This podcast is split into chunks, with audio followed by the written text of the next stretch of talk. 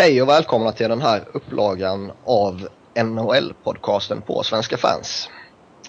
Um, som vanligt så är det, eller som vanligt de senaste veckorna ska vi tillägga, så är det jag, Niklas Wiberg och uh, Sebbe Norén och Robin Fredriksson som är med mig. Hur är det med er gubbar?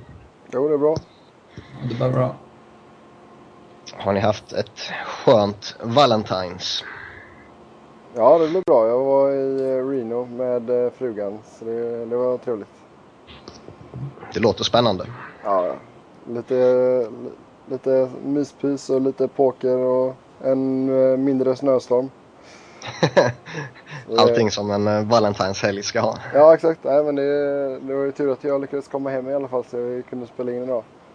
Ja, ja det är aldrig fel. Vad säger ni annars om det som hände i nattens matcher? Ja, Toronto-Edmonton var en bra match. Eh, mm. Riktigt liksom i, Ska man liksom visa matcher till eh, sådana som kanske inte är Die Hard-fans så hade detta varit en bra match. Boston-Montreal var bra också. Mm. Eh, annars såg vi ju en liten, liten historia skrivas i, i natt också när eh, Teemu Selänne smällde in 2-1 för Anaheim mot Pittsburgh. Så gjorde ju han sitt eh, 656 mål genom tiderna och eh, tangerade därmed Brendan Shanahan på 12 plats i tidernas skytteliga. Han har nu tre mål upp till Jaromir Jagr och det känns som att det kan väl bli ett race under säsongsavslutningen här. Och sen har Selene 12 upp till Luke Robitaille. Ja, så han får sluta i mål nu helt enkelt? Ja, eller får Jagger göra ännu mer mål. Ja, eller så... Nej, ingen av dem får ju passera Lucky Luke, herregud. Den nollan. Han har inte varit något speciellt. Nej, men det, det, är imponerande att se Selene alltså. Mm. Ja, ja, absolut. absolut. Det är... Alltså han, har, han är ändå så ganska gammal liksom. Och ändå så bara pang, pang, pang. Ackelok. Vi kan säga det, vi kommer ju komma tillbaka lite till cellen lite senare i programmet. Ja. Ehm, så vi tittar lite tillbaka vad som hände under veckan som gått. Och um, vi såg ju Kenny Jönsson, Mats Sundin och uh, allas våran Jeremy Roenick hyllas uh, för New York Islanders och eh, Toronto och Phoenix. Eh, vad säger ni om de här tre spelarna gubbar?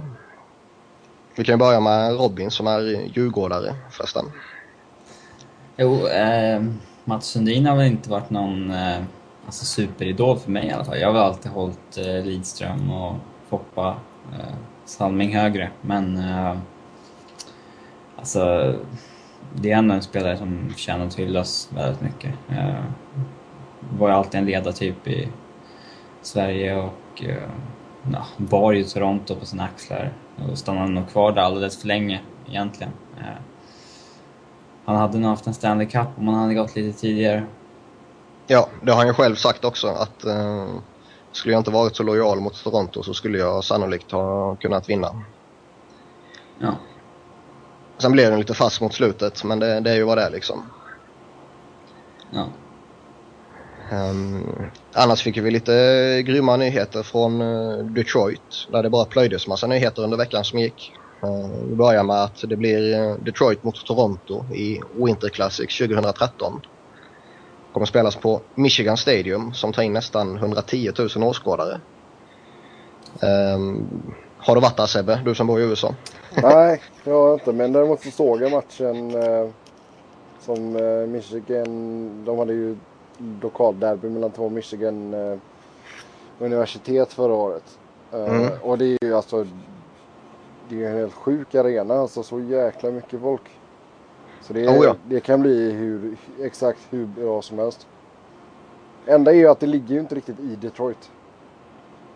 Nej, jag vet. Det är väl det som kan uh, vara lite negativt. Men det känns ändå som att det kan bli grymt härlig happening. Mm.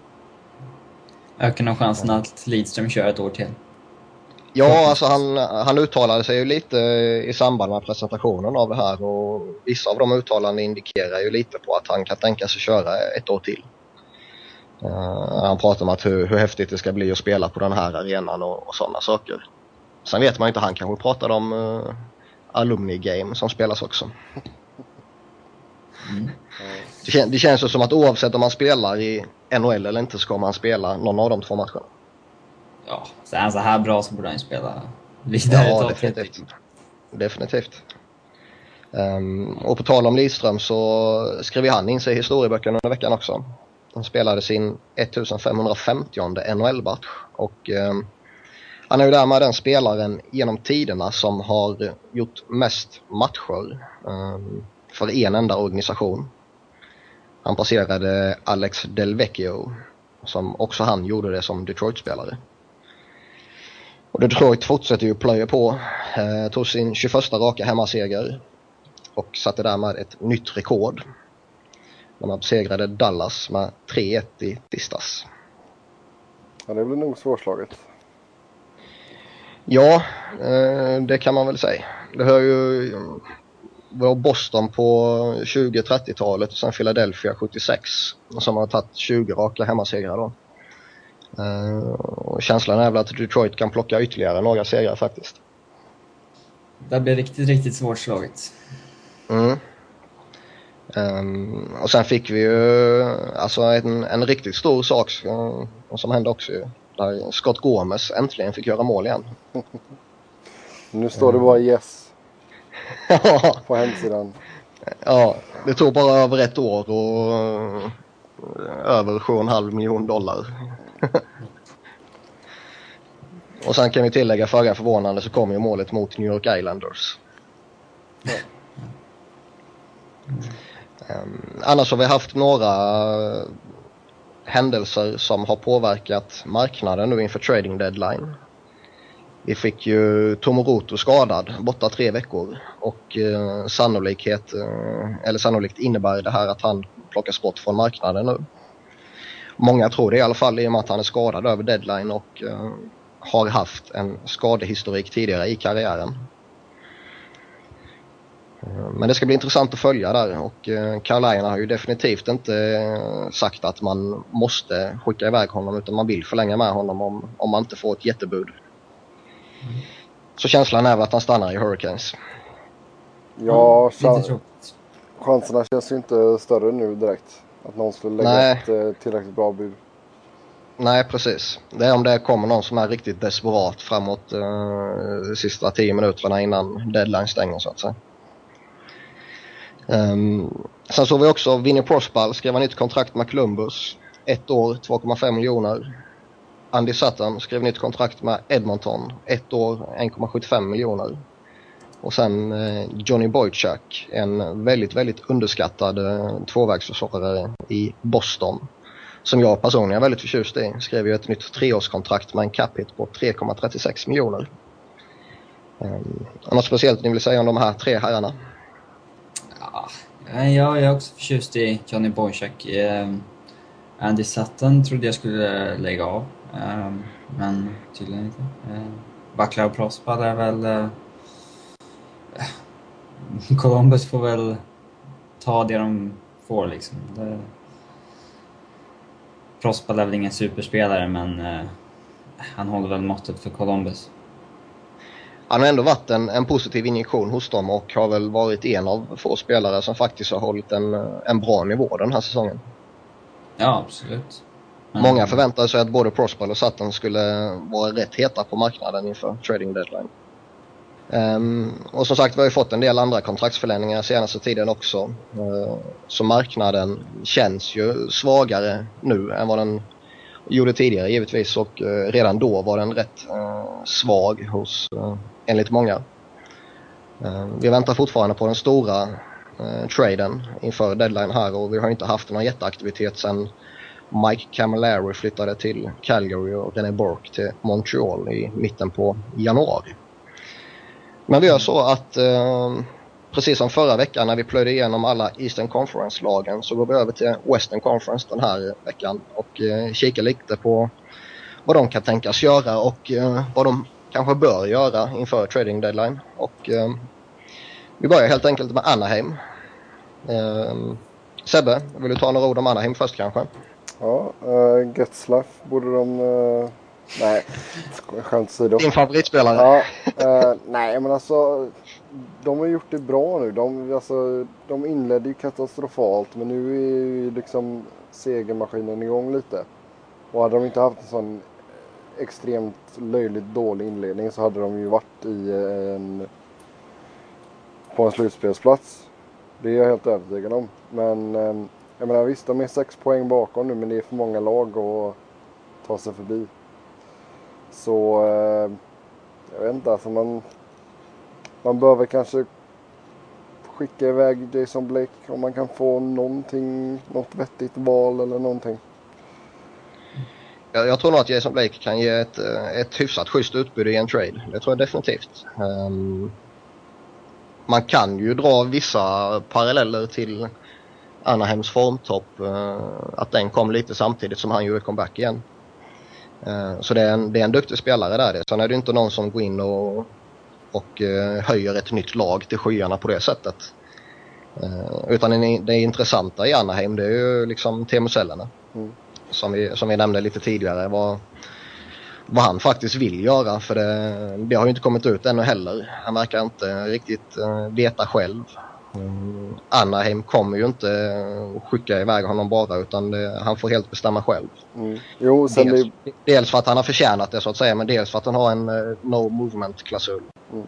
Och jag tror inte det blir lättare för honom att bestämma sig riktigt i och med att de, nu är de sex pinnar bakom liksom.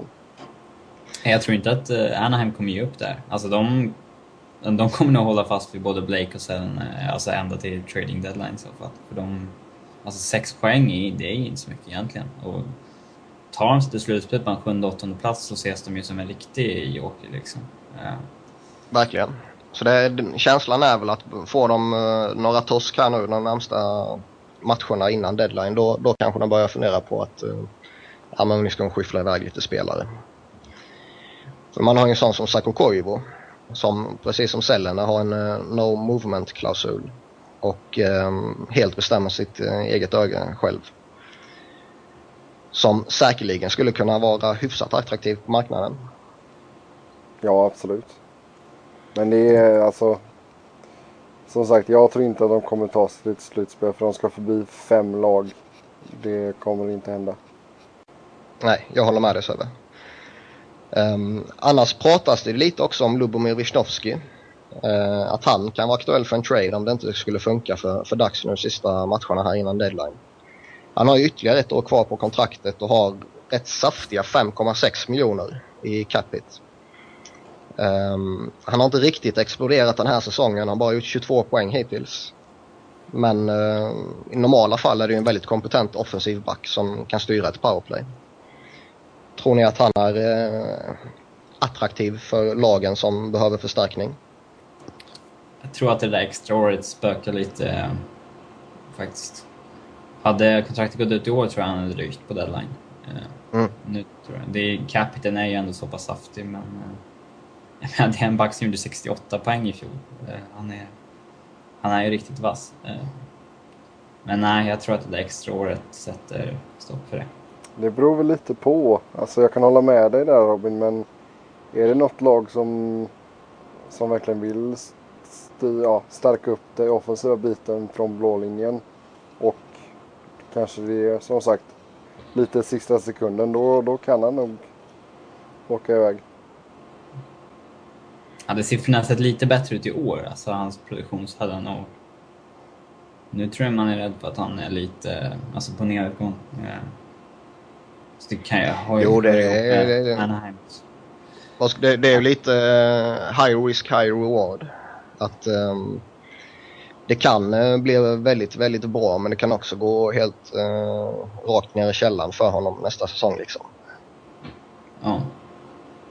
För att får du in honom i ett välfungerande lag så får, har du nog en riktig poängmaskin om det slår väl ut.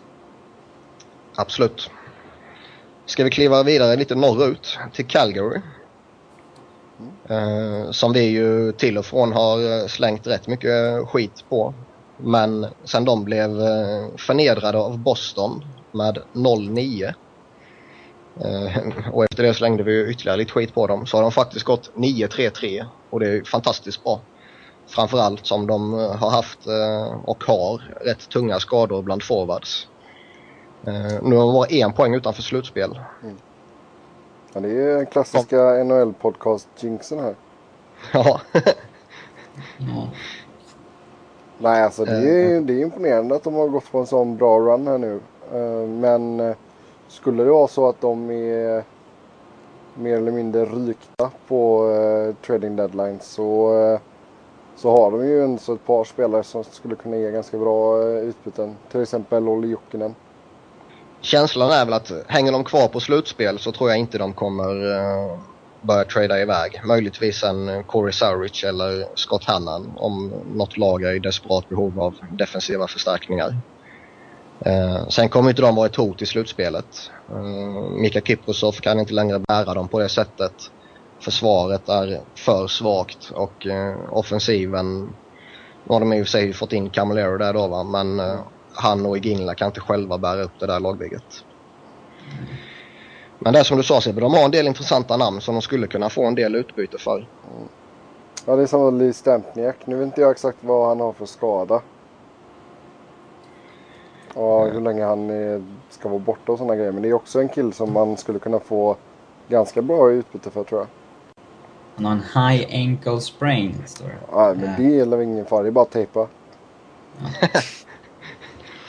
Nej men det, det, är också en sån här spelare som det, det, kan vara värt att chansa på honom. Sen har han inte riktigt kommit upp i den uh, nivån som han hade för, uh, vad blev det, två år sedan va? Mm. Uh, när han vräkte in mål för Phoenix och Toronto var det va? Mm. Mm. Men um, det känns ändå som att han fortfarande kan, kan vara en skön förstärkning. Hyfsad tvåvägsforward, hyfsat bra skott. Några andra kloka ord om Calgary?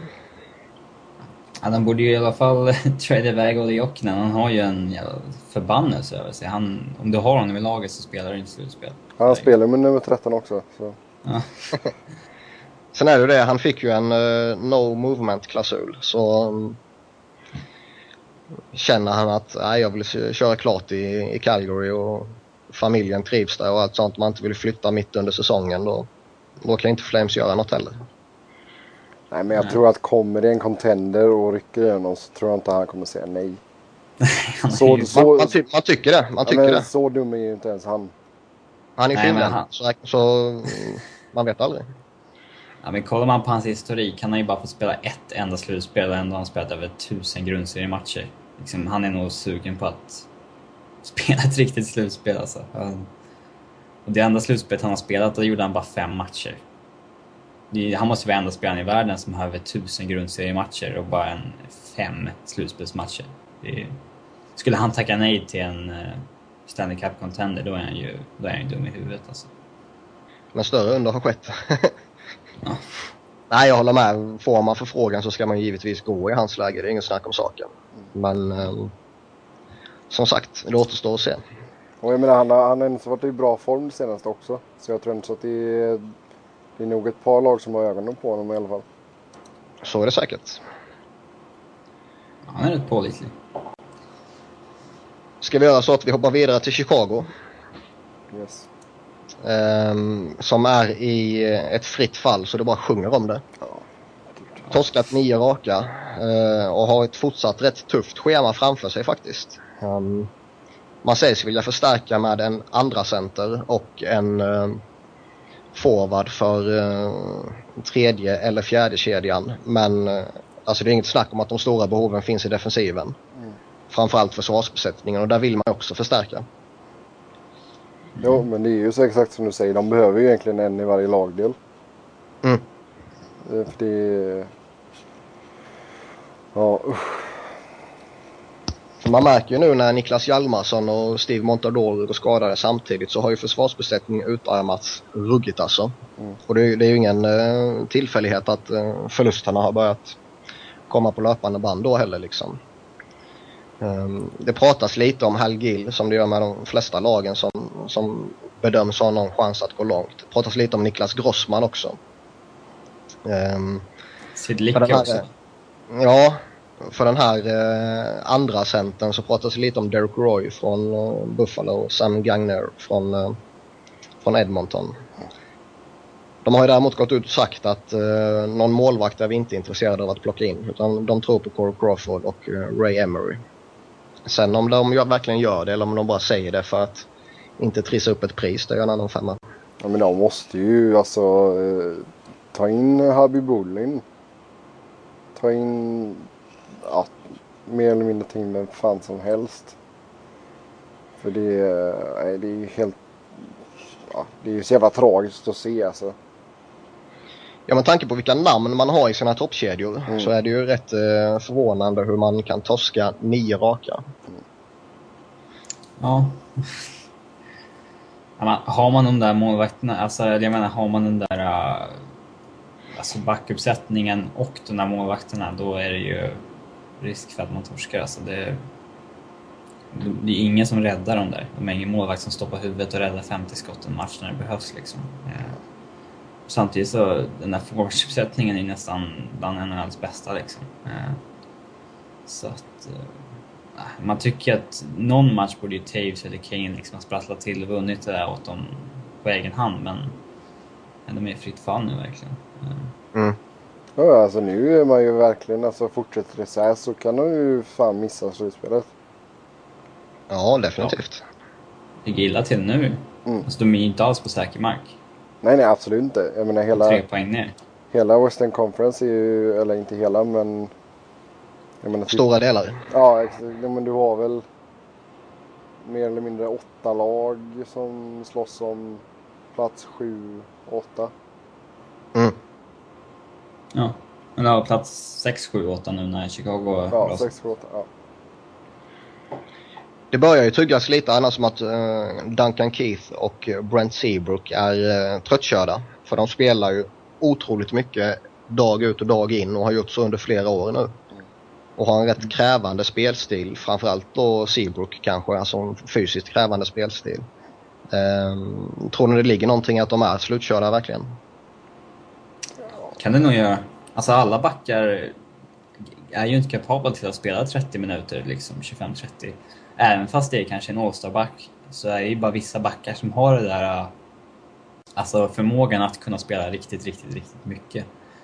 Det är kanske inte Seabrook och Keith har helt enkelt. Nej, inte över en så lång period känns det som. Att gå in och plöja 30, drygt 30 minuter per match i ett slutspel, ja, det, det bör man klara om man ligger på den nivån som de gör. Men att göra det under en hel grundserie plus ett slutspel, det, det tror inte jag alls på. Nej. Ska vi göra så att vi... Ja, det, nej men det är ju några sådana. Lidström har inga problem med det. Chara har inga problem med det. Scott Niedermayer hade inga problem med det när han lirade liksom. Backar som är tillräckligt smarta för att liksom planera upp vad en vart de ska lägga energi på liksom. Och det, Ja. Ehm, Nu ska vi göra så vi lämnar Chicago. Det känns som att de får lösa sina problem själva. Och gå Ja. vidare till Robins eh, favoritlag, Colorado. Um, Ja. Upplys oss.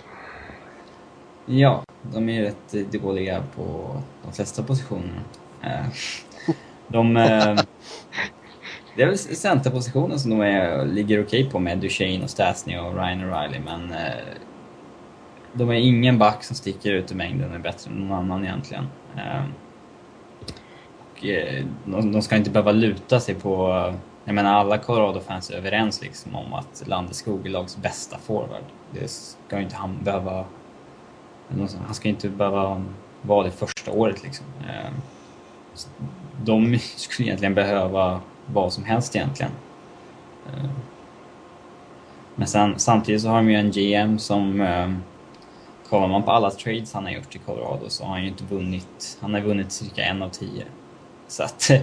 Så att det, samtidigt som folk pratar om att de vill ha in vissa spelare så pratar, säger folk att eh, de skulle vara livrädda om de hör att det har gjorts en trade för då vet de att oh shit, nu har vi torskat igen. De har ju annars några spel. De har ju sanslöst många utgående kontrakt ju. De har ju alltså bara en handfull spelare egentligen som har kontrakt över nästa säsong. Ja, tre Ehm, forwards. Mm. Det är ju några namn som plockas fram och sägs vara aktuella för en trade. Typ David Jones. Eh, Jay McClement har det pratats lite om. En, en helt okej eh, forward för en tredje kedja till exempel. Eh, Shane O'Brien, den eh, tuffa försvararen. Vad tror du att man kommer börja skyffla iväg lite kontrakt? Man har ju ändå lite eh, känning på slutspelet i, i västra konferensen liksom.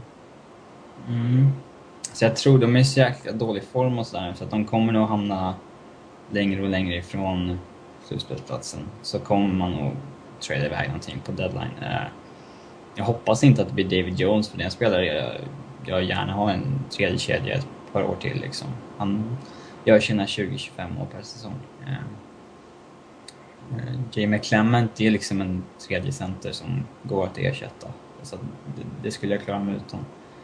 Shane O'Brien är folk väldigt rädda för att han ska försvinna för att han är egentligen den enda försvararen som har lite eh, toughness liksom. Han eh, det är väldigt, väldigt mycket finlirare de andra. Eh. Mm. Vad säger du om annars om uh, den gamla målvakten som ändå har gjort en klart godkänd säsong i Colorado? Ja, som. Sitter på han, ett, är, uh, han, han har ju ytterligare ett år på sitt kontrakt med 1,25 miljoners capita så det är ju det är ett skönt kontrakt att ha så. Men kommer han bli aktuell för en trade tror du?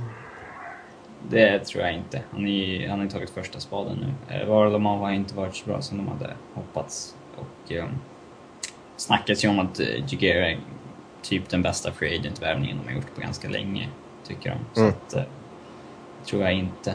Däremot så tror jag att eh, Colorado gjorde en liten tabbe där när de värvade in Varlamov, att de betalade, alltså gav upp sitt första val nästa år för honom. Och det här är ett lag som hade kanske behövt ett första val till för att spetsa det här laget inför en... Alltså, för att vara bra om kanske fem år. Mm, mm. Och där... Om...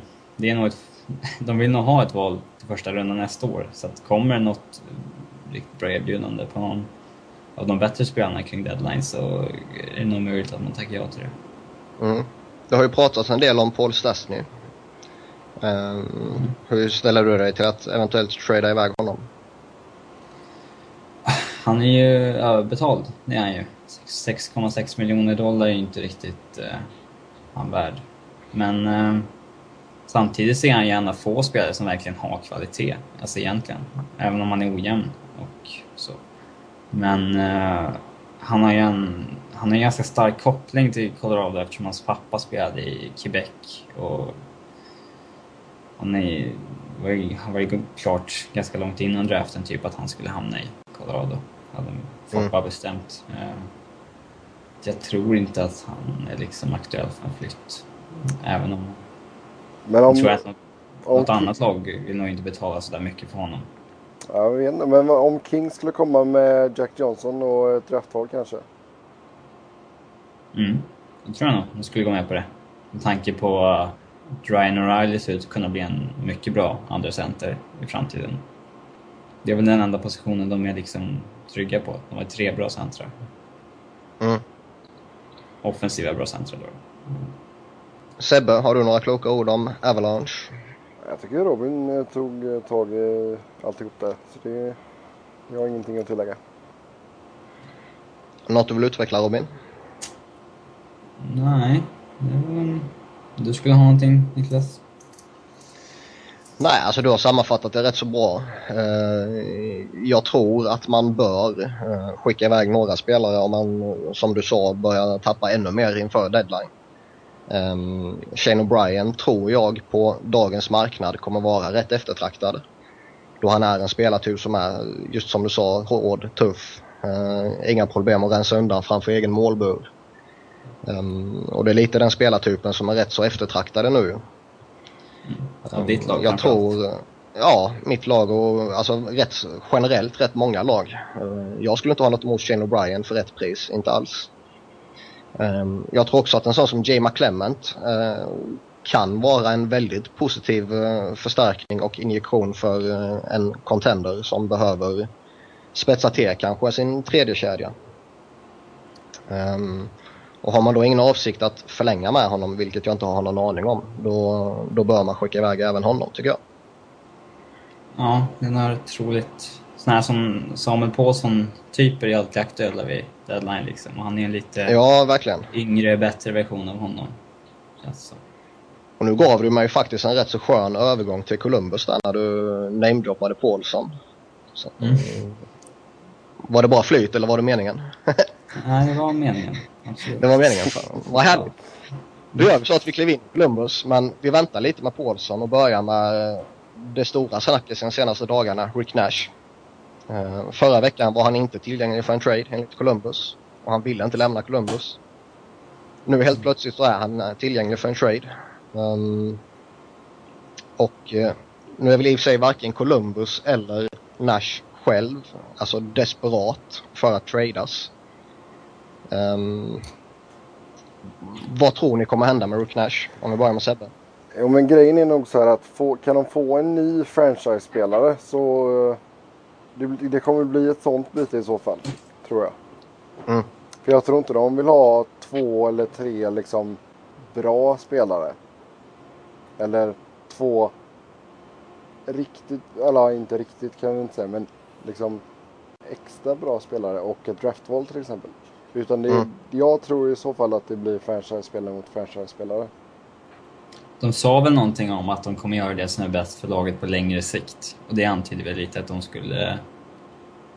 De är nog sugna på några, någon bra spelare, men alltså något väldigt högt draft var väl nå in också, tror jag. Ja. Mm. Sen är det ju det att Nash sitter ju på en no movement-klausul också så han styr sitt eget öde. Och eh, nu sägs han ju ha lämnat in en lista på en 5-6 lag som han kan tänka sig gå till. Där eh, lagen som nämns där då, det har inte kommit ut exakt vilka lag det är. Men typ Los Angeles, Rangers, Toronto, Boston, Philadelphia, Vancouver är väl kanske de lagen som lyfts fram allra mest. Och eh, hittills är det enda lag som har förnekat intresse Boston. Ehm, och av dem, om man tittar på liksom på pappret vad de lagen kan erbjuda så är det väl ändå Los Angeles som kanske känns mest rimligt. Mm. Alltså med, med en deal kring eh, kanske Jonathan Bernier och eh, Jack Johnson. Ja, det, är, Mm. alltså, det tror jag absolut skulle vara två spelare som Columbus skulle kunna bygga om laget på. Nash Sen- förtjänar ju verkligen att gå till något bra lag också. Han har ju varit där alldeles för länge egentligen. Liksom. Ja, bra, då fick vi in att LA var ett bra lag också. Det är bra. Ehm, Ja, men ett bättre lag än Columbus i alla fall. Ja, det har de ju visserligen. Nej, men jag, jag tror inte... Eller, nej, jag tror LA skulle nog kunna gå med på en sån trade. Det tror jag. Mm. För det, det verkar vara ganska givet att det är Quick som kommer vara etta många, många år framöver. Och Mm. Bernier är alldeles för bra för att vara en backup.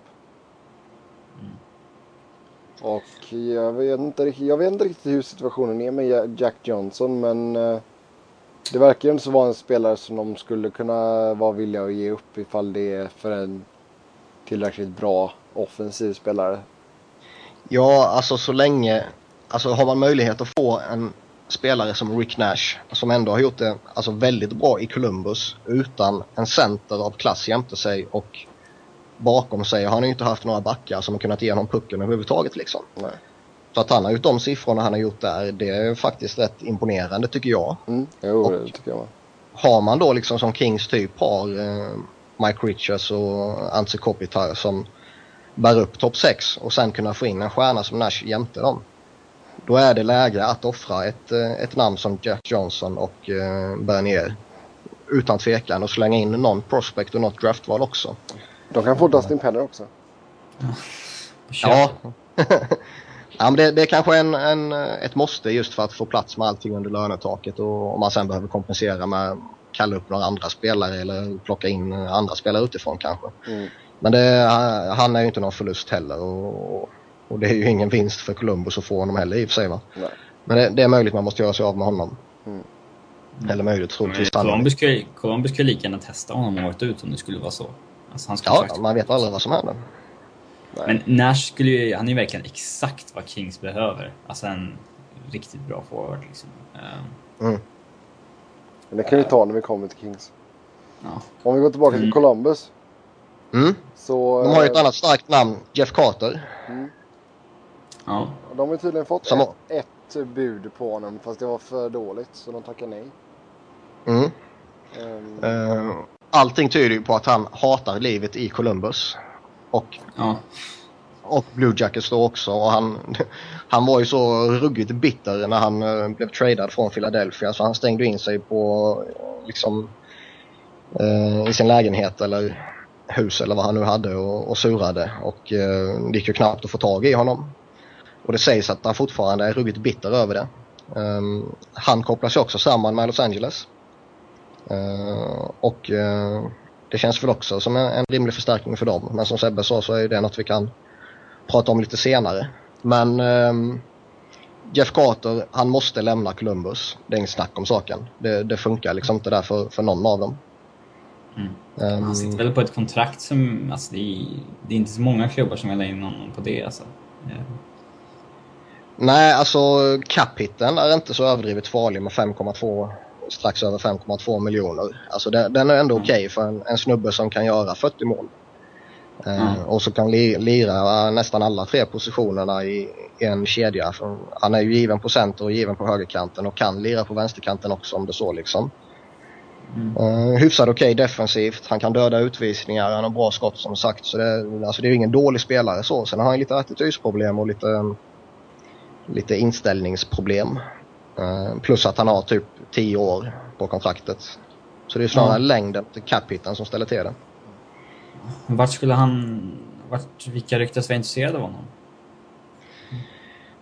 Vancouver alltså det, har ju nämnts, men jag ser inte hur de ska få in honom under lönetaket. Alltså det har, det har ju pratats om, LA har ju det pratats om rätt så, rätt så friskt. Men sen har det varit liksom Montreal, Anaheim, Um, Buffalo har till och med nämnts. Uh, Rangers har, har det snackats om också. Det, det, tror inte jag på i och för sig, men, men det har pratats om det. Um, så I Columbus, både Carter och Nash, då måste de ju ta in... Alltså, då tror jag nog... Ger de upp båda två, då tror jag de hellre tar in alltså typ fyra bra, riktigt bra prospects för dem. Eh, mm. Än kanske jo, någon storstjärna. Eh, för då vet de ju att då är det närmsta två säsongerna, de har inget att göra med slutspel då i alla fall. Liksom. Det, de kommer ju ta in Jakubov i draften i sommar också. Eh, då tror jag nog att de väljer att bygga på sikt istället. Än, än det som Sebbe trodde på med en storstjärna mot Nash till exempel.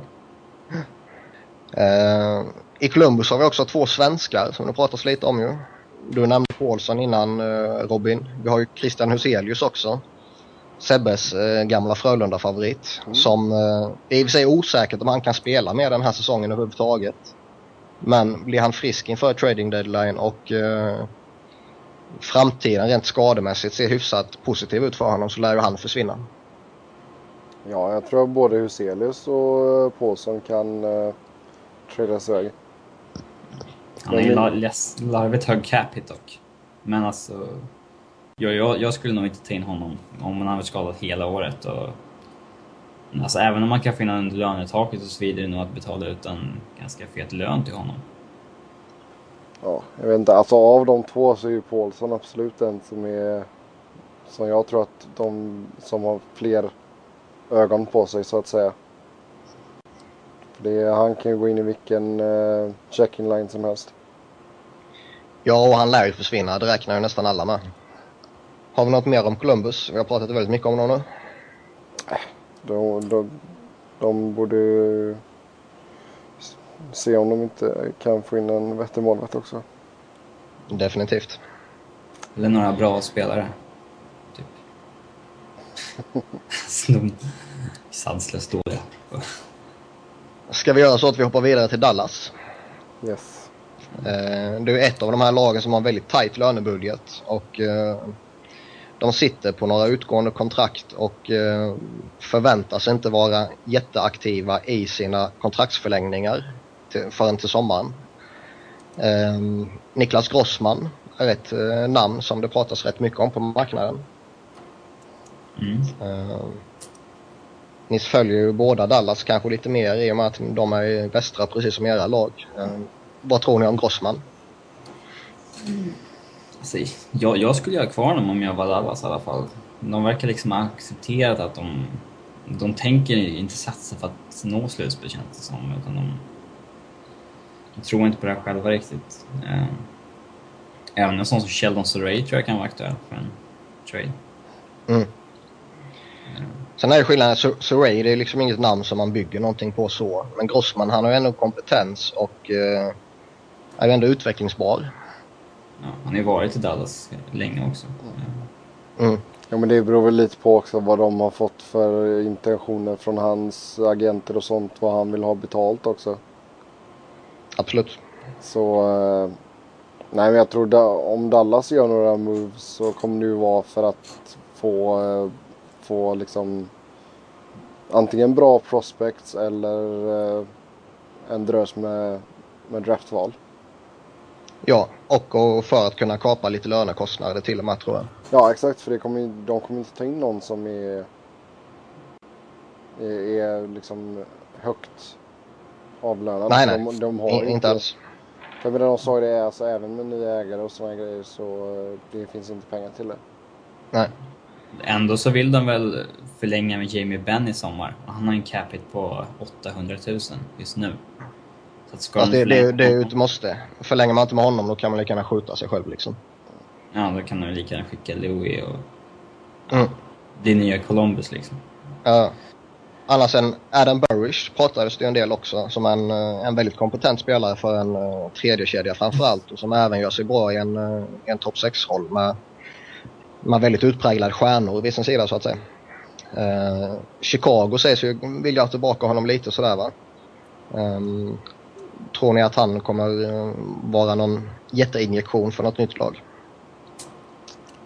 Jätteinjektion vet jag inte men eh, absolut bra komplement. Om det är någon som känner att de vill vässa, vässa till sin tredje kedja lite. Mm. Jag skulle nog hellre... Jag skulle, jag skulle nog hellre satsa på en sån som David Jones i Colorado då, än Adam Burrish. Eh, i- Just hans spelartyp finns det nog lite bättre alternativ på marknaden, tycker jag i alla fall. Sen kommer troligtvis Jones kosta mer. Ja, det är möjligt. Men... Ja. Ska vi göra så att vi lämnar öknen kanske? Eller hade du något mer att säga Robin? Det har väl surrats lite om lagkaptenen Brandon Morrow, faktiskt. Ja, ja, det är rätt. Men hans kontrakt går ju ut nästa år. Men det är ändå en spelare som, alltså ett topplag. Den där cap-hiten på 4 miljoner kan man ju leva med om man är ett topplag liksom. Det är en väldigt bra spelare. Det är han verkligen. Ska vi göra så att vi, vi lämnar öknen nu och kliver in i Detroit istället? Ja. Eh, De har ju ett saftigt löneutrymme kvar och det är ju inte vana att se hos Detroit kanske. Och eh, de förväntas plocka in förstärkningar. Eh, de har råd att offra talanger och draftval. Eh, och de förväntas väl egentligen ta in både djup eh, för backsidan och djup för forwardsidan. Eh, kanske till och med spetsa till med en Aleshemski kanske. Annars pratades det lite om Samuel Påsson, Paul Gåstad från Buffalo, Hal Gill, Brian Allen. En sån som Ryan Suder, om Nashville bestämmer sig för att eh, sälja honom, har det också ryktats lite om. Ja, jag tror ju, med tanke på att de har eh, så pass mycket utrymme så kommer de ju antagligen göra en av de större movesen på, inom trading deadline tror jag. Jag, jag- tycker det skulle vara intressant att se Hemsky i eh, Detroit. För jag tror att de skulle kunna få fart på honom. Eh, faktiskt. Om man går en Ja, andra det- kedja med Zetterberg till exempel. Kän- Känslan av att Hemsky inte kommer komma igång om det inte rör sig om alltså typ Detroit, Pittsburgh som man också kopplat samman lite med. Alltså de lagen. Eh, Mm. så Där han verkligen får en center av klass jämte sig. Mm. Eh, Det- För han har ju ändå liksom bra speed och han har liksom bra handleder och det, det är en okej spelare så sett. Sen är han ju gjord av glas men det, liksom, det, det är en annan femma. Han kanske bad Kronwall att testa honom där när han sänkte honom fullständigt. Ja, eller hur? Går han inte sönder då så tar vi honom. Ja, Nej, riktigt det- eldprov. Nej men sen Känns- alltså. Ja, ja men det, det är väl lite som jag pratade om innan. Jag menar Detroit har inte tagit upp några sådana prospects på jag vet inte hur länge. Jag vet att jag och Robin har pratat om det. Och, ehm, så jag menar liksom de, de kommer inte ha några problem med att skicka iväg prospects och draftval. Ja, jag Nej, nej. tycker att de är, de är nog jäkligt känsliga för skador faktiskt. De har ganska, inte särskilt brett lag tycker jag. på, om de får en eller två skador på backsidan så känns de, känns de jävligt tunna. Liksom. Sen är det också lite vilka indikationer de får från eh, Niklas Lidström eh, om hans framtid. Sen eh, tror inte jag att han tar ett beslut nu. Men säger han att eh, sannolikt kommer jag spela nästa säsong också. Då lär inte de gå in och söka någon jättevärvning för, för backsidan kanske.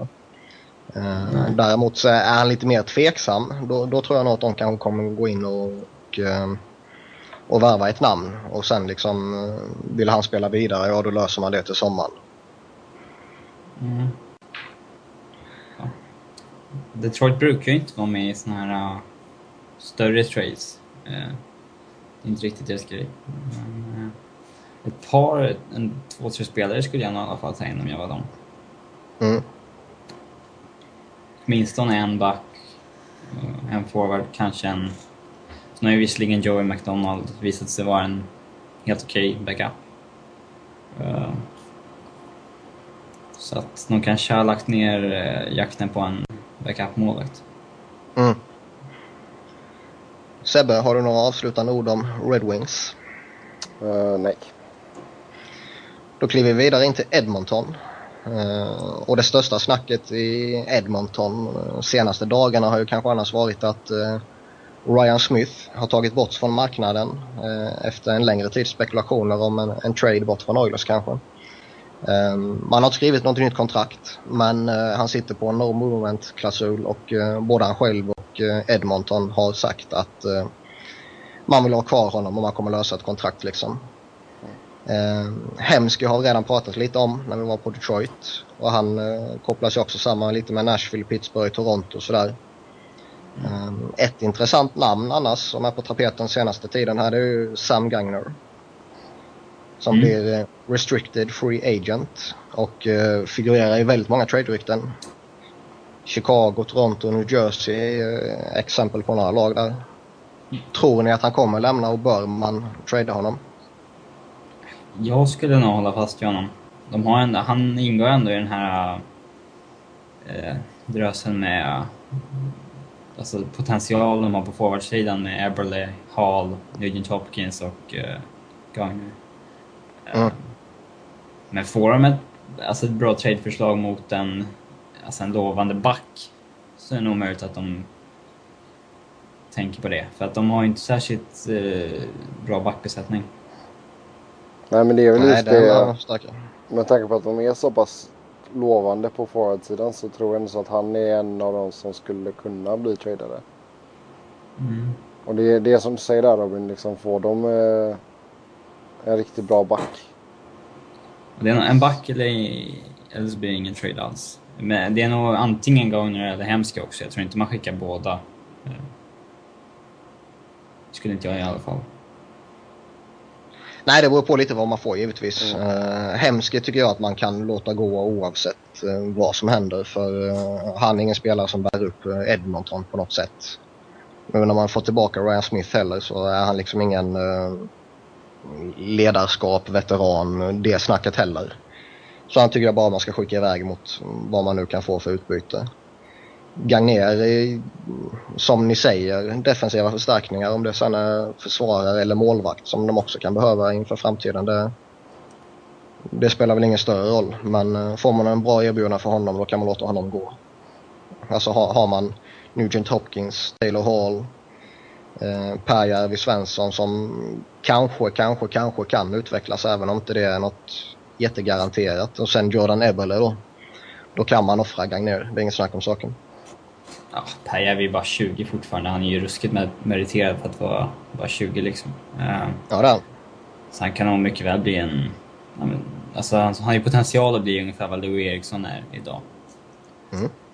Uh, sen så kommer man ju förmodligen få ett högt draftval i sommar också. Har vi något mer om Edmonton eller ska vi kliva vidare?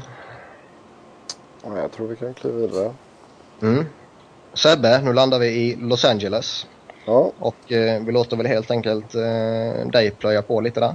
Ja, eh, man, behöver, man behöver en eh, forward som kan göra mål. Mm. that's, the short, that's the short version. Nej men alltså, ja men exakt. Jag menar Rick Nash hade ju varit eh, en perfect fit tror jag. Det är, alla vet väl att LA gillar ju stjärnor oavsett vilken sport det är. Så eh, nej jag tror att det, det Nash hade varit en, en riktigt bra värvning eller för, eh, för Kings. Mm. Speciellt med tanke på vilken besvikelse Dustin Penner har varit. Eh, han får ju ganska mycket skit i den här podcasten och han, han förtjänar all skit han får. Plus lite till. Plus lite till. Eh, nej men annars var det väl lite snack eh, om att man kanske skulle göra sig av med Jarrett Stall. Men sen blev han skadad så jag vet inte riktigt hur läget är där faktiskt. Um, annars så eh, Jack Johnson har vi pratat lite om. Det är, jag vet inte. Det är, han blandar och ger en del tycker jag. Han kom in som väldigt lovande och det var väl det var väl lite tänkt som att han och Doughty skulle liksom sköta det offensiva från blålinjen. Och ibland tycker jag Jack Johnson är underbar att se på. Och han, eh, han kan göra en hel del sköna moves men eh, jag vet inte. Han har väl inte levererat sådana siffror som man kräver Nej. offensivt heller av en offensiv back. Nej exakt. Som är så taskig i egen zon, det ska sägas. Exakt. Ja, nej, men det är just det. Så därför så tror jag att de skulle nog inte ha någonting emot att, att ge bort honom om det är i en, för att få in en, en riktigt bra ytterforward. Mm. Man pratar om de stora namnen som vi redan har nämnt eh, här idag kanske. Det är Rick Nash och Jeff Carter då givetvis. Va? Mm. Men det pratas också om en sån som Ray Whitney eller André Kostitsin. Och Whitney känner du till bra från, Phoenix givetvis. Ehm, den gamla veteranen. Ja, ja, jag tror så, alltså grejen är så här att så länge, så länge Phoenix har chansen på slutspelet så jag, då tror jag verkligen inte att man släpper Whitney med att han är lagets bästa mm, poänggörare. Mm. Så det är, jag vet det har varit mycket snack om Whitney och det är ju Han har väl en lista på ett par lag som man kan tänka sig att gå till tror jag. Men eh, det ska nog ganska mycket till faktiskt. Om de fortfarande har häng då på slutspelet. Vilket, vilket jag tror att de kommer ha också. Så eh, Men sen det, det är som med allt annat. Det beror på vad- lite vad man får i utbyte också. Men, det, Jo, men jag menar ge upp bästa sin bästa poänggörare. Nja. Annars så om vi går tillbaka till Kings så där gäller det lite att få tillbaka. Alltså, nu är Simon Gagné skadad igen. Och eh, han har ju inte alls levererat heller. Det är, så jag vet inte. Alltså. Jag har väl lite svårt att säga att man skulle skicka iväg honom redan men. Eh, som sagt, det är yt- ytterforwards som kan, Mm. som, som kan göra mål. Och det är, men det är ju sånt som alla lag vill ha. Jo, tyvärr är det så. Ja, så det är, men som sagt, Bernier och Jack Johnson är ju absolut eh, två eh, spelare som man kan locka med om man ska göra en eh, stor trade. Om du, är, om du är GM för Kings då, så skulle du acceptera Bernier och Johnson mot Nash? Jag tror nästan att de hade varit tvungna att göra det. Man Skulle jag har- vara, G- skulle jag vara GM i LA och, och vilja få in Nash eh, skulle jag med glädje upp båda två. Mm. Eller om man liksom, kan man lyckas eh, kan man lyckas och- med att komma undan med att ge Johnson och Penner så absolut, eller Bernier och Penner. Så eh, hade ju det varit bra. Men jag menar sen man har ju eh, man har en så, eh, nu har jag specia på namnet såklart. Eh, Men man har en eh, lovande målvakt i, i Manchester Monarchs också. Som man skulle kunna plocka upp ifall man eh, skickar iväg Bernier. Och eh, sedan så har man ju eh, eh, ja, en hel del okej prospects på backsidan också. Till exempel, eh, ja, alltså jag har namn idag. Eh, Hickey kanske. Han måste väl få sin NHL-chans någon gång. Ja just det, Vojnov är jag tänker på. Tack Niklas. Nej, Vojnov är ju, alltså han har ju inte så visat när han har varit uppe att han, eh, att han håller tycker jag. Och det, det finns mycket potential där. Han är ju 22 bast liksom. Och eh, han, kan nog, han kan nog utvecklas till en riktigt bra eh, offensiv back. Om man har lite tålamod. Mm. Men om... Eh, vi, pratar ju här som att Kings är klara för slutspel. Det är de ju inte direkt. om, Nej, De nej. skulle, om de skulle tappa sista... Alltså då finns det ju risk att vissa spelare alltså försvinner istället. Typ en Willie Mitchell Mm. eh, till Chicago, typ.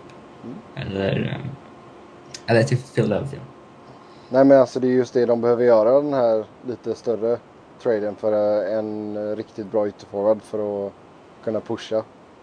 Ja, gärna nu då, inte vänta till deadline. Nej nej alltså de skulle behöva ha gjort det för ett par veckor sedan. Så det är... Men jag... Grejen är så här, i och med att det är så många lag som är i liksom fighterna om, om som vi snackade om innan då, plats 6 till 8. Mm. Så eh, jag tror inte det kommer hända så mycket förrän när vi kanske har några dagar kvar bara. Mm. Är Jared Stahl borta en längre tid så känns det ju ganska naturligt att baka in en Samuel Paulsson i en Nash trade. Ja, det hade nog inte Kings haft någonting emot. Absolut inte. Så det... Ja, det hade de säkert kunnat. Alltså, kan man få Nash och Paulsson så... eh, Då, då tror jag man kan göra bra inför sig. eh, Både för att liksom pusha då och verkligen ta en bra säker slutspelsplats och även försöka gå lite längre. Än vad man gjort Mm. tidigare år. Nej men det är, det är ju som sagt liksom, det är målskytte behövs. Det har ju varit helt bedrövligt. Ska vi göra så att vi lämnar Kings Ja. eh, med sammanfattningen att det är målskytte som behöver plockas in. Mm. Vilket vi alla visste redan innan i och för sig. Ja, exakt. Men eh, vi kliver över till Minnesota istället. Och eh, som många andra lag så är de precis under strecket och, och krigar och de har känning men de är ju också i jättefall efter att eh, till och med varit uppe på första platsen i Western för eh, liksom här en månaden, något sånt där. Och sen har de bara rasat rakt ner. Och då, det känns inte som de kommer åstadkomma någonting överhuvudtaget. Nej men det var ju podcast-jinxen där också. Vi höjde dem till skyarna och så bara sa det tjoff. Jajamän. Så det, vi, vi, får De- ta på, de- vi får ta på oss den. De är bara har vi en poäng bättre än Anaheim idag liksom. Ja, Som vi har sågat liksom. och kallat avsågade. Eh, De är bara en poäng bättre än dem nu liksom. Igår började det pratas om Marek Sedlishki. Att han sades vara redo att avsäga sig sin eh, no trade-klausul för New Jersey.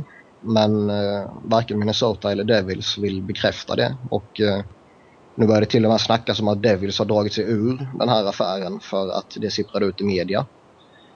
Ehm, och det känns väl som det är Sedlishki eller kanske Josh Harding som är någonting som, som Wild faktiskt kan, om man nu vill, ehm, skicka iväg för att få kanske något inför framtiden.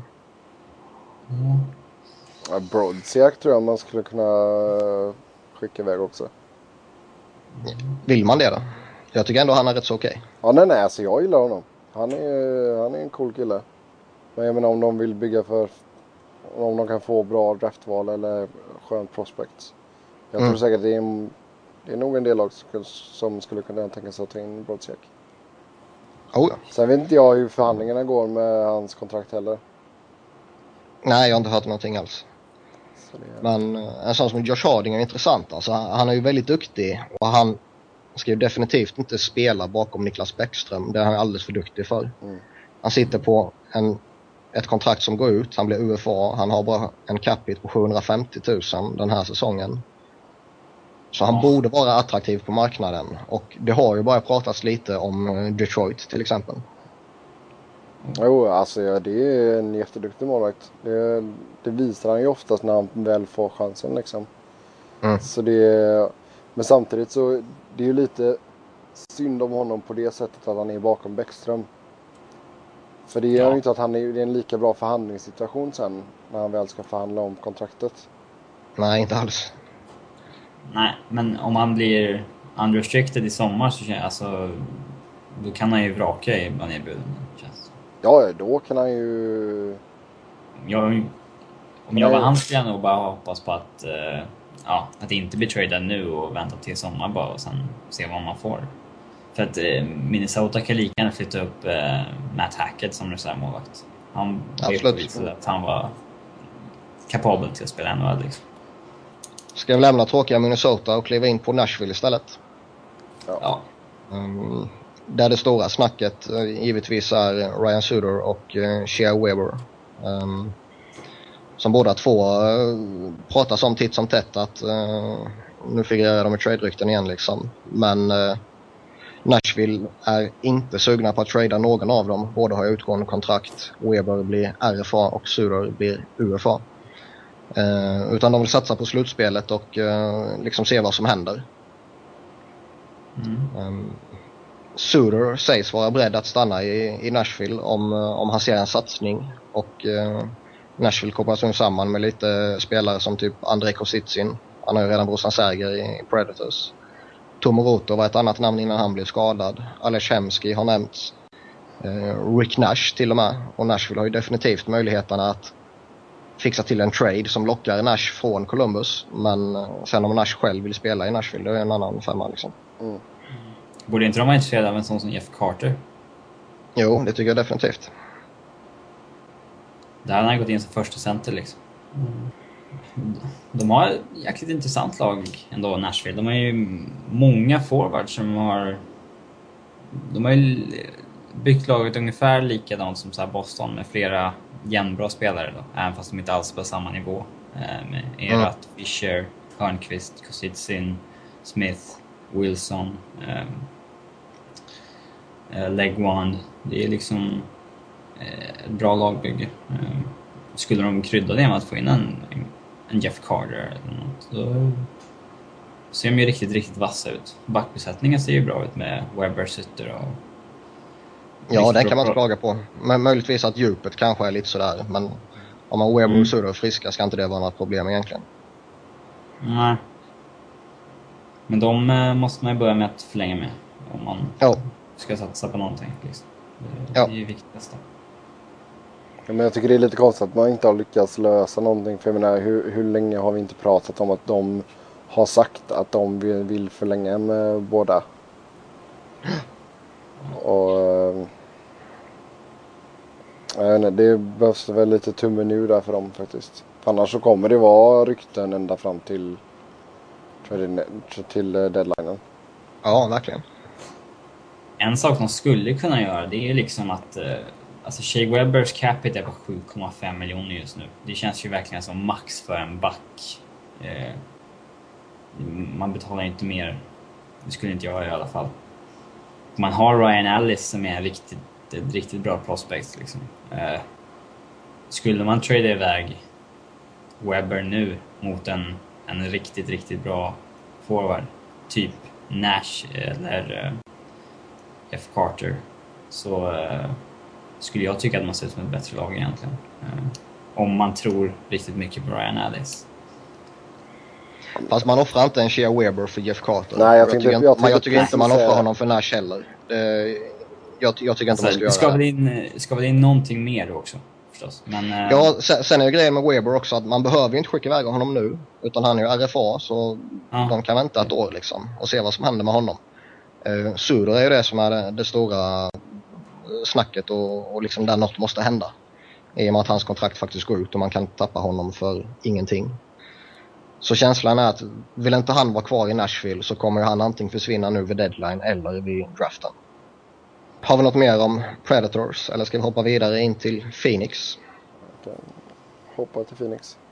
Mm. Sebbe, plöj lite. Ja. ja. Även här så behövs det ju lite mer målskytte. Alltså just, just nu så är det ju det är Verbata, det är det är Whitney, det är Doan. Sen är det inte så mycket mer. Det är Korpakowski har gjort det okej. Han har 13 mål men det är ju fortfarande inte bra så att säga.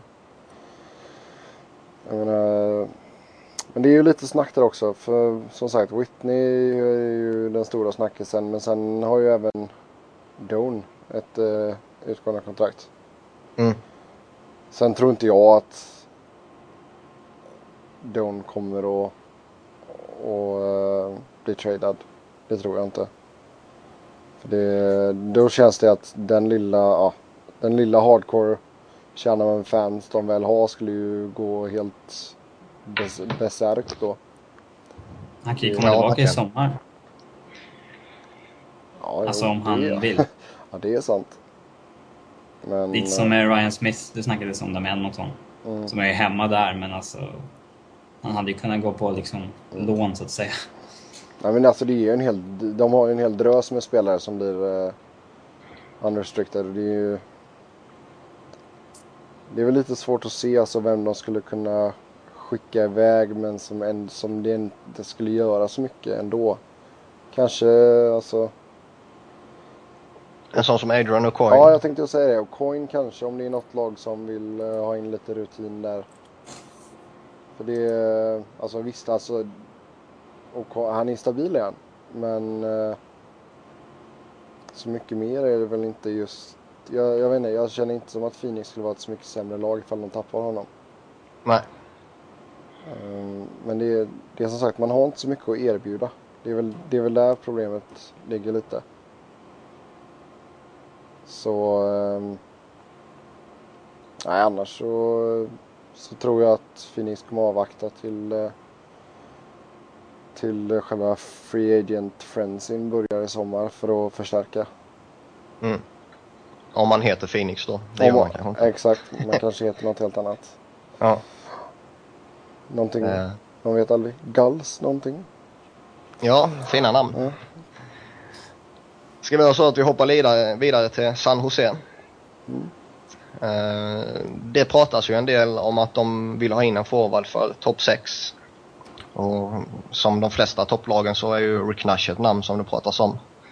Uh, sen är det väl tveksamt om han vill dit kanske. Um, men med tanke på att Martin Hablat inte alls har levererat och de andra offensiva stora kanonerna inte har exploderat så, så känns det rimligt med att uh, en topp 6-värvning eh, mycket väl kan ske. Annars är det som de flesta lagen som tror att de kommer utmana det. Det pratas om att få in djup både på backsidan och, och forwards. Eh, en sån som Travis Moan är ju väldigt starkt eh, rykte till att eh, Sharks kommer eh, stå först i kön om Montreal nu bestämmer sig för att sälja. Mm. Ja absolut, alltså det är... Jag menar en sån som Thornton, jag tycker inte... Alltså han leder ju laget med 50 poäng men det är fortfarande inte... Jag tycker 12 mål, 12, 12 mål är för dåligt. Jämför det med vad vi gjorde för några år sedan liksom. Ja. Ja, alltså 50 poäng för Thornton, det är ju... 50 poäng är ju givetvis helt okej, okay, Det är ju strax under eh, poäng per match liksom. Mm. Men eh, för Thorntons del kom... så är det ju jättesvagt. Alltså säsongen han kom så gjorde han 92 på 58 matcher. Det är ju lite skillnad. Det är nästan två poäng per match liksom. Mm. Men då hade han ju Jonathan Chicho som höjde honom. Ja, det var nog inte tvärtom. Men... Nej men alltså nu har man ju sett det senaste så har det ju, det har ju snackat mycket, det har snackats mycket om Logan Couture, liksom att han har varit den liksom den lysande kraften offensivt sett nu. Så eh, det, det, behövs absolut en topp 6 forward. Mm. Men även där är det väl lite liksom vad, vad ska man ge upp? Man har en del forward som man skulle, alltså två okej, okay, eller två bra forwards mot en bättre än någonting skulle de kunna göra. Uh. Jo men deras okej okay forwards har ju inte varit bra. Det är ju det är lite det som är problemet. Sen är ju det alltså, Thornton och Mollö, de kommer ju inte lämna ju. Pavelski vill man säkerligen inte uh, skyffla iväg. Nej. Ryan Clough tycker jag är väldigt skön spelartyp mm. och jag mm. tror inte man gör sig av med honom heller. Nej. Uh, coacher som du sa innan kommer man ju definitivt inte skyffla iväg. Om man nu inte får typ uh, tre stycken ja. superspelare för honom, men det lär man inte ja, få. Nej. Uh, och Han vet du är honom- Martin Havlat kvar och med tanke på vilket kontrakt han har och, och vilken skadehistorik och eh, vilka siffror han har den här säsongen så kommer ju han eh, inte lämna. Nej. Om man inte tar emot en, en motvärdig eh, liksom spelare som underpresterar och som är överbetald och som går skadad titt som tätt. Typ Penner. Ja. Ja men han har utgående kontrakt så alltså det är... Mm. Ja. Ja, det måste det ju vara någon de är fast med. Typ en Scott Mm. Gomez liksom. Eller något sånt. Nej men det är väl alltså... Jag vet inte alltså. Jag, nu vet inte jag hur högt de värderar Vlasic. Men det, det är väl kanske en spelare man ska kunna göra sig av med utan att det skulle göra allt för mycket. Mm. För jag menar man, man har ju två utmärkta backar i Boyle och Burns. Ja, absolut. Som eh, sköter offensiva. Från blå, blå så...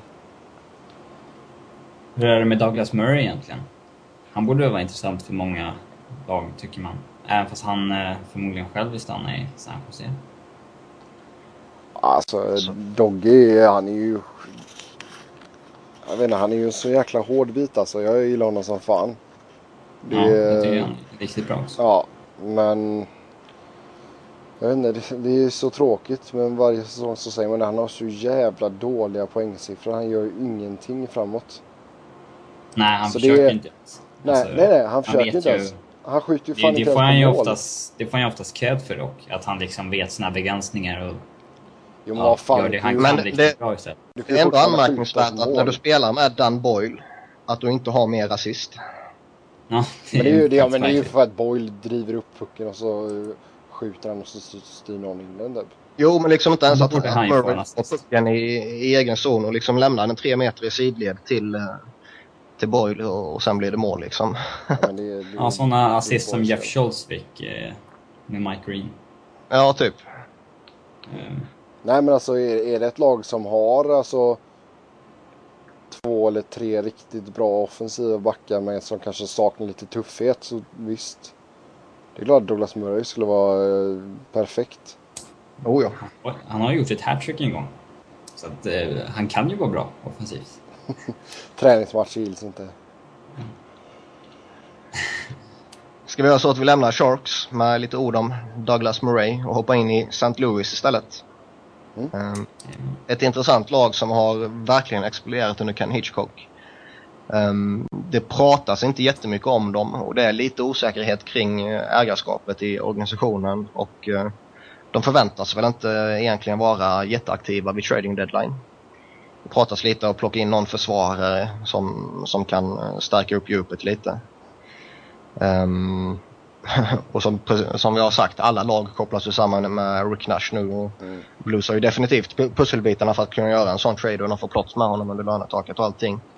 Ehm, men sen är ju också frågan då om, om, om Blues vill göra någonting större för att riskera det som nu eh, liksom ser ut att eh, kunna blomma ut till någonting med, med det lagbygget man har haft de senaste åren med alla unga killar. Mm. Nej det känns väl som att jag menar sen Hitchcock kom så de, de verkar ju ha köpt hela hans filosofi och allting så det är egentligen jag vet inte, jag skulle väl Don't mess with a good thing eller vad man ska säga. Nej, just alltså mö- möjligtvis plocka in någon veteran för backbesättningen Mm. om man känner att ja, men vi kan nog utmana i slutspelet. Mm. Jo men absolut kanske någon, någon spelare som redan har varit i ett Hitchcock-lag dessutom. Som vet, Mm. som vet vad det är som gäller. Eh, och nu har de dessutom fått Andy McDonald tillbaka efter eh, alla hans problem den här säsongen. Vilket eh, kan vara en riktigt skön boost inför säsongsavslutningen. Absolut. Jo sen man har ju så ett par liksom bra spelare som är borta skador också. Så jag... Alexander Sten till exempel. Mm. Så eh, nej, jag, jag, jag, om jag hade varit Blues så som sagt. Som du sa där, ta in lite rutin på backsidan, absolut. Om man kan göra det med något som inte rubbar för mycket på laget. De, ja, är en liten joker i slutspelet faktiskt.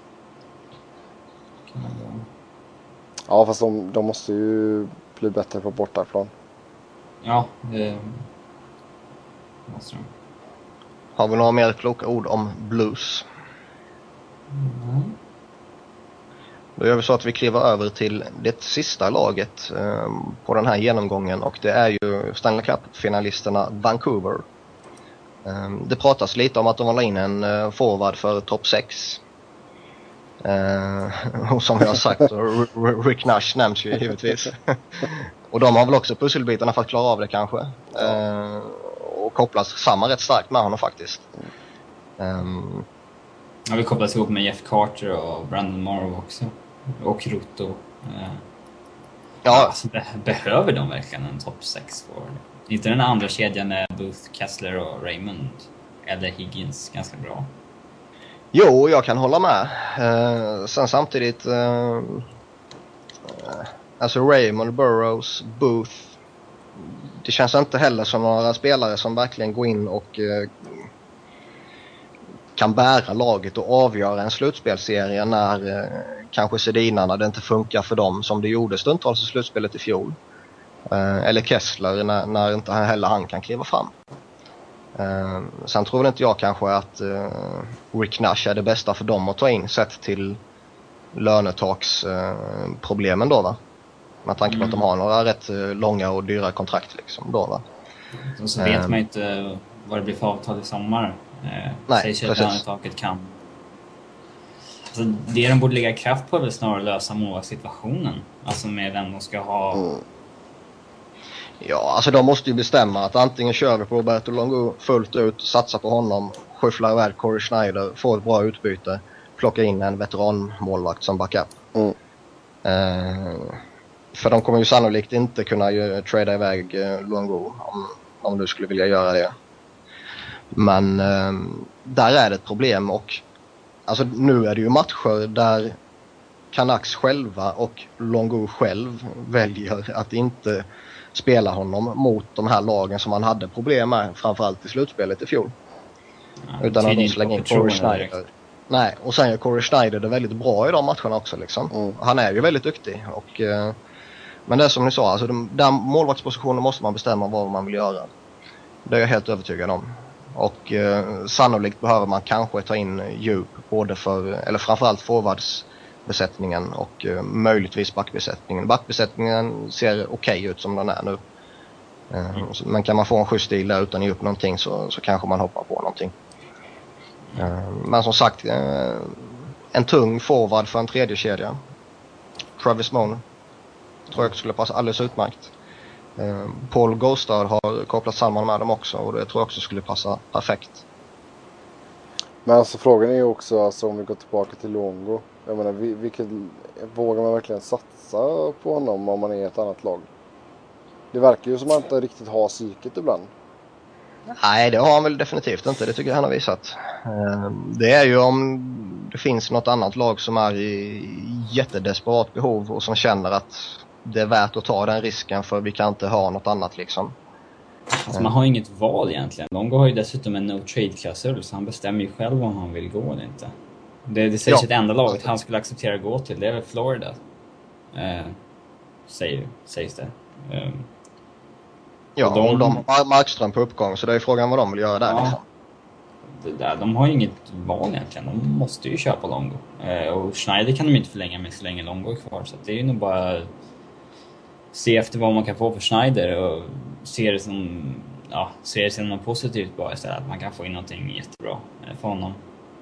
Kanske ja, något högt och, och, kanske, och kanske, eh, kanske känner Longo att eh, om Schneider försvinner, då slipper han konkurrensen. Plocka in en ren ja, uttalad äldre målvakt som är, du är backup. Du kommer spela 15 matcher per säsong liksom.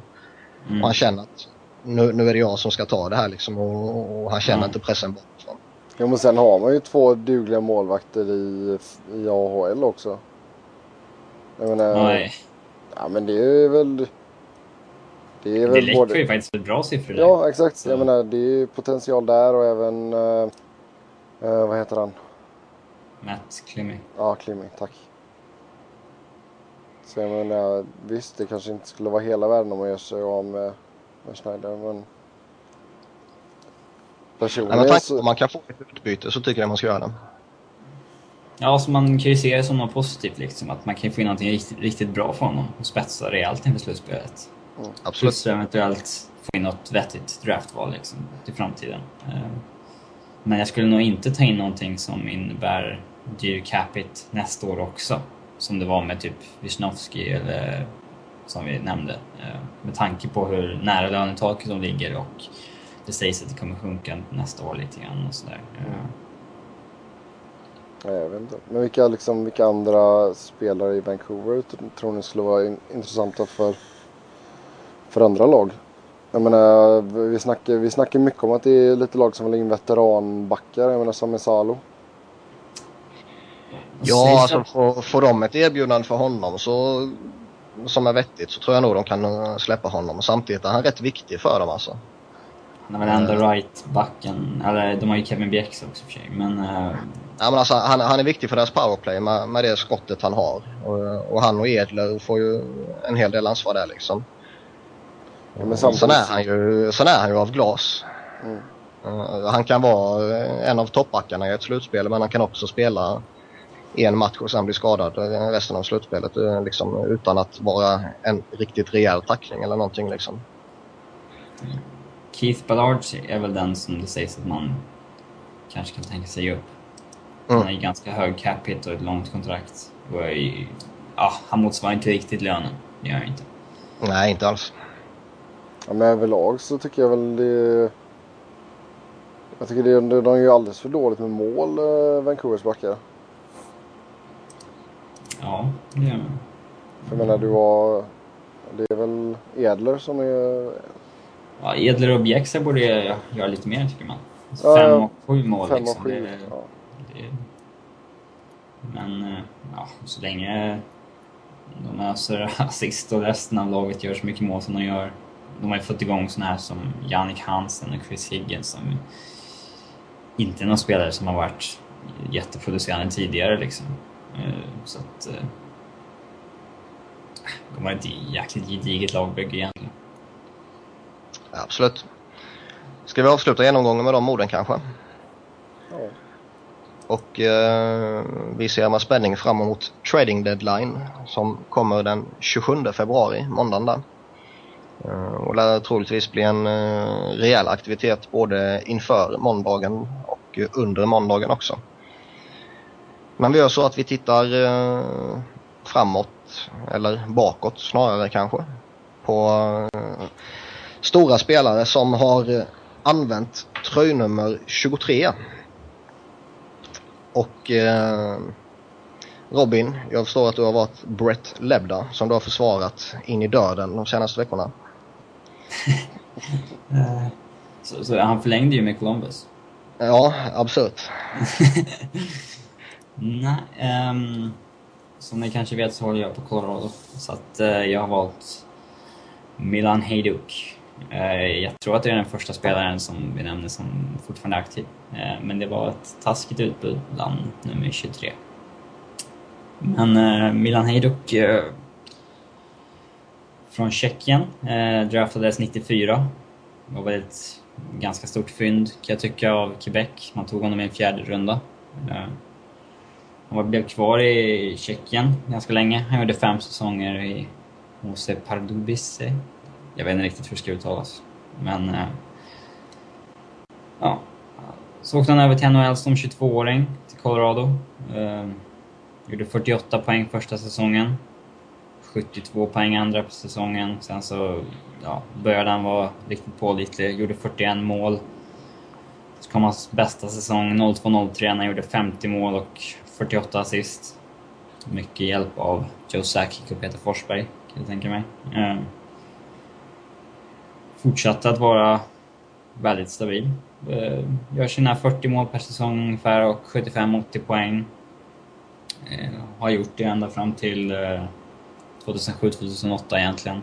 Där han har tappat lite. Var nere på 25 plus 25 per säsong. Har varit det i 4-5 år nu. Eh, största anledningen till det är väl att ja, dels att åldern börjar ta ut sin rätt men framförallt så spelar han inte med Joe Sakic och Forsberg och Rob Lake och Ray Bork längre. Eh, eh och i år så blev han eh, utnämnd som lagkapten. Eh, det var väl lite... Eh, ah, det, de ville väl inte utse till honom till lagkapten egentligen och det sägs ju att han eh, tyngs lite av det ansvaret. Men eh, de spelade ju utan lagkapten första matcherna och så vilade de lite ifall Landeskog var redo för det redan första året. Eh, sen så valde de då Hejduk till slut. Så att han har mm, varit i Colorado i... eh, Ja, det här är väl hans trettonde säsong. Han har gjort 370 mål och 419 assist för eh, Colorado. Eh, 789 poäng totalt. Eh, närmar sig 1000 matcher i NHL. Han ligger på 967 nu. Har vunnit en Stanley Cup, 0-1, med Colorado och blev NHLs bästa målskytt 02-03 med sina 50 mål. Hade även bäst plus minus i hela ligan då på 52 plus. Eh, har även vunnit OS 98 eh, med, Tjeck, eh, med Tjeckien. Ja. Det var ett av, en av spelarna som har stor del i Colorados framgång i början på 2000-talet. Mm. Kul att ha någon spelare kvar från den glansdagarna. Eh, men vad säger ni om Milan Hejduk? En skön målskytt. Uh, väldigt utpräglad målskytt skulle jag vilja säga som givetvis underlättar det när man har uh, lagkamrater och kedjekamrater som Foppa och Sakic och uh, Rob Blake och Ray Bork då som, som ger honom puckarna bakifrån. Uh, men han visste var han skulle vara i slottet. Ehm, Bra direktskott, bra handledsskott, kan transportera puck. Um, nu har han ju som du sa tappat en del och det har ju sina rätt så självklara anledningar. Men uh, nej, det, det, det är en skön spelare tycker jag. Hade nog inte alls gjort lika kraftiga siffror om man hade hamnat någon annanstans. Alltså ett sämre lag. Tror jag. Nej, giv, giv, givetvis. Givetvis. Väldigt beroende av sin omgivning. Uh, men en riktigt bra sniper när han var som bäst. Mm. Mm. Ska vi göra så att jag plöjer mitt namn och jag valde Bob Nyström. Den eh, svenskfödde kanadicken. Eh, han föddes ju i Stockholm 52 men flyttade till Kanada redan när han var fyra år. Och eh, 1972 draftades han som 33 spelare totalt av New York Islanders och eh, inledde NHL-karriären 72-73 med 11 matcher. Säsongen efter klev han in i Islanders fullt ut och gjorde 21 plus 20 på 77 matcher. Och mm, det pratades lite om honom som eh, Calder Trophy-aktuell men eh, det priset gick till Dennis Potvin istället. Ehm, han utvecklades till att bli en väldigt uppskattad tvåvägsforward. Gjorde mer än 20 mål under de fyra följande åren med 30 fullträffar 77-78 som bästa notering. Var en eh, hårt arbetande och fysiskt spelande högerforward. Och eh, hans namn eh, gav respekt runt om i ligan. Han kunde slänga handskarna och ta hand om sig själv och laget liksom. Um, utvecklingen gick lite hand i hand med hur Islanders utvecklades. Och um, under liksom 70-talet så gick man ofta väldigt långt i slutspelet alla år. Men det var inte förrän 79-80 som man äntligen vann Stanley Cup. Och eh, det var han som sköt segern till Isles i eh, match 6 mot Philadelphia i förlängning. Och sen blev det ytterligare tre raka titlar då va. Eh, han började tappa en hel del mot mitten av eh, 80-talet. 84-85 blev det bara 36 matcher. 85-86 blev det bara 13 matcher. För sen fick han nämligen en eh, klubba i ögat på en träning och eh, alla trodde att han hade lagt av karriären. Han gick in som assisterande tränare för Islanders men han satt på 899 matcher.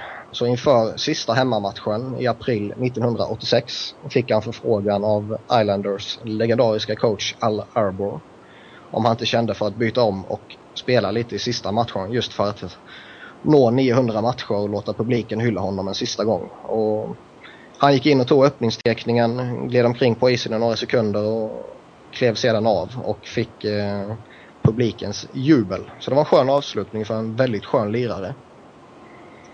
Ehm, um, 95 pensionerade Islanders hans tröjnummer och eh, sedan 91 så delar Islanders ut Bob Nyström Award till den Islanders-spelaren som bäst visar upp ledarskap, arbetsmoral, inställning etc.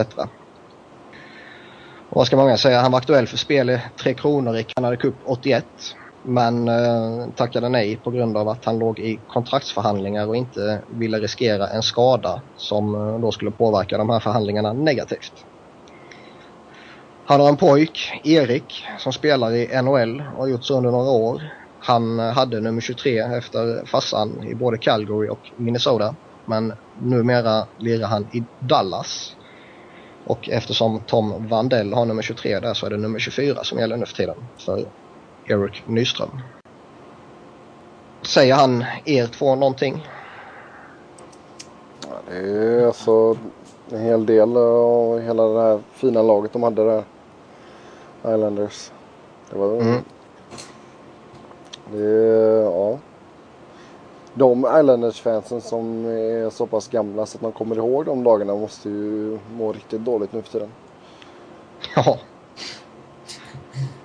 Mm. Ska vi så att du, du plöjer in nu Sebbe och du har ju valt en, eh, en, vad ska man säga, en lite mindre känd eh, spelare kanske?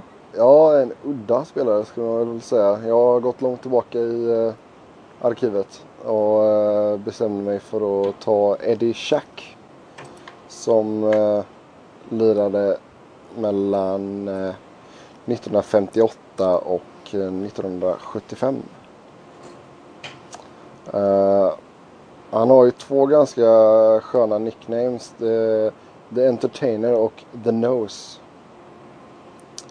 Och uh, om ni googlar Eddie Shack så kommer ni också se att han har en väldigt fin mustasch. ja, det, det, sånt gillar vi. Um, det är det viktiga du letar efter. Ja. Nej men han... Uh, vad ska vi börja? Född 1937. Uh, 11 februari så jag vill säga grattis efterskott. Um, han lirar juniorhockey med, uh, ja hur uttalar man det här? Gulf Biltmores säger jag. Um, han lirade där i fem säsonger innan eh, New York Rangers eh, signade honom. Och eh, efter att ha inlett i AHL så fick han chansen eh, säsongen 58-59 i New York. Ehm, han gjorde väl inga, alltså det är ju ingen målskytt av rang eller någonting sådär. Han gjorde, han gjorde 26 mål ett tillfälle, 25 mål två andra tillfällen i karriären. Men eh, han var mest känd för eh, ja, sin, sina udda tricks och såna här grejer. Han Eh, han, ibland efter han hade fightat så eh, kunde han eh, göra så här puss, eh, pussar till eh, motståndaren och buga för publiken och sådana grejer. Så han var ju sedd lite som en ja, entertainer eller en clown eller sådär. Um, en sak som är lite rolig det var faktiskt att ehm, um, 1960 så skulle han bli tradad till eh, Detroit Red Wings med uh, Bill Gatsby för uh, Red Kelly och uh, Bill McNeil.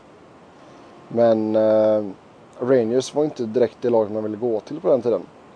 Så istället för att gå med på att gå till, till Rangers så eh, bestämde sig Red Kelly för att eh, gå i pension.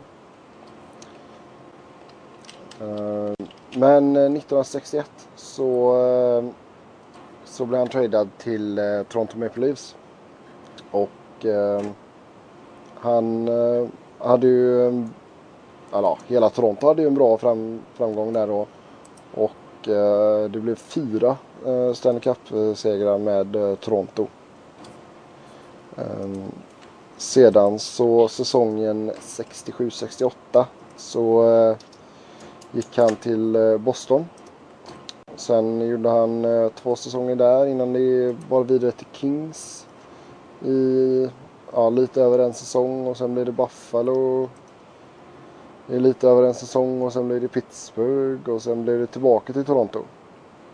Eh, och sedan så eh, efter att inte ha spelat 75-76 så tog han ett eh, skönt litet eh, avstick till Whitby Warriors i en eh, pensionärsliga i, eh, i eh, Kanada. Ehm, annars så finns det en riktigt skön eh, fight mellan honom och eh, Bob eh, Light, Leiter från 1964 på hockeyfights.com. Där Shack och Leitner brakar in i plexit så att det går i en miljard små glasbitar.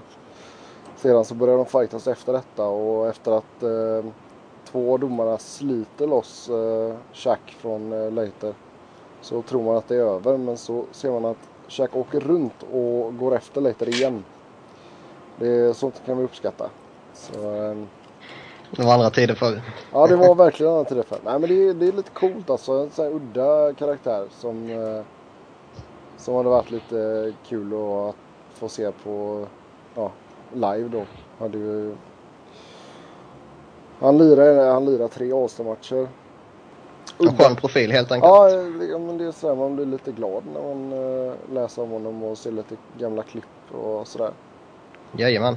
Så det, nej, men det är kul. Och sen även uh, efter karriären så uh, har han gjort lite sådana här så halvskumma grejer. Liksom han var sån här spokesman för någon uh, läskedryck i Kanada och för någon sån här rakbladsgrej så rakar han av sig den uh, fina mustaschen.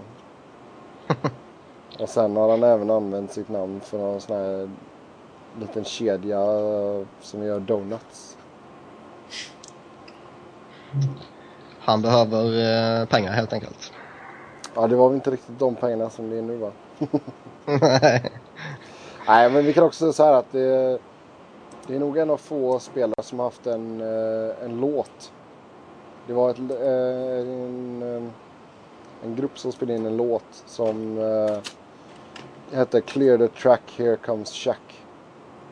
Imponerande. Och den låg alltså på nummer ett på Kanadas poplista. och låg på listan i tre månader. Det är, det är härligt. Det är lite coolt. Jajamän. Vi kan säga det också att vi nobbade ju namn som Brian Bellows och Bob Gainey eh, i den här genomgången. Mm. Och det är inte mycket mer att säga om det än att vi, vi bara gjorde det. ja. Mm. Uh, Sebbe var lite sugen på att plocka Pavel Patera. Men uh, där la jag in mitt veto. Jag vill ju ta Brett Level också, men... ja, därför bjöd jag också.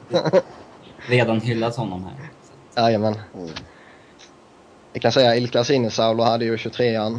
Uh, eh, Matthew Schneider under tiden i Detroit och Phoenix spelade i den. Kjell Samuelsson hade den under en kort period i Pittsburgh. Uh, Oliver Ekman Larsson har det nu. Alexander Edler har det. Uh, Scott Gomez hade det i New Jersey. Så det, det har varit några schyssta lirare i det ändå. D Dustin Brown har det i LA.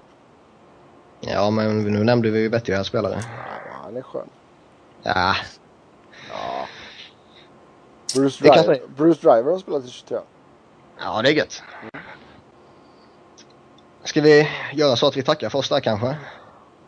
Med de kloka orden. Och ni vet att ni kan följa oss på Twitter och lämna kommentarer både där och i kommentarsfält och via mail.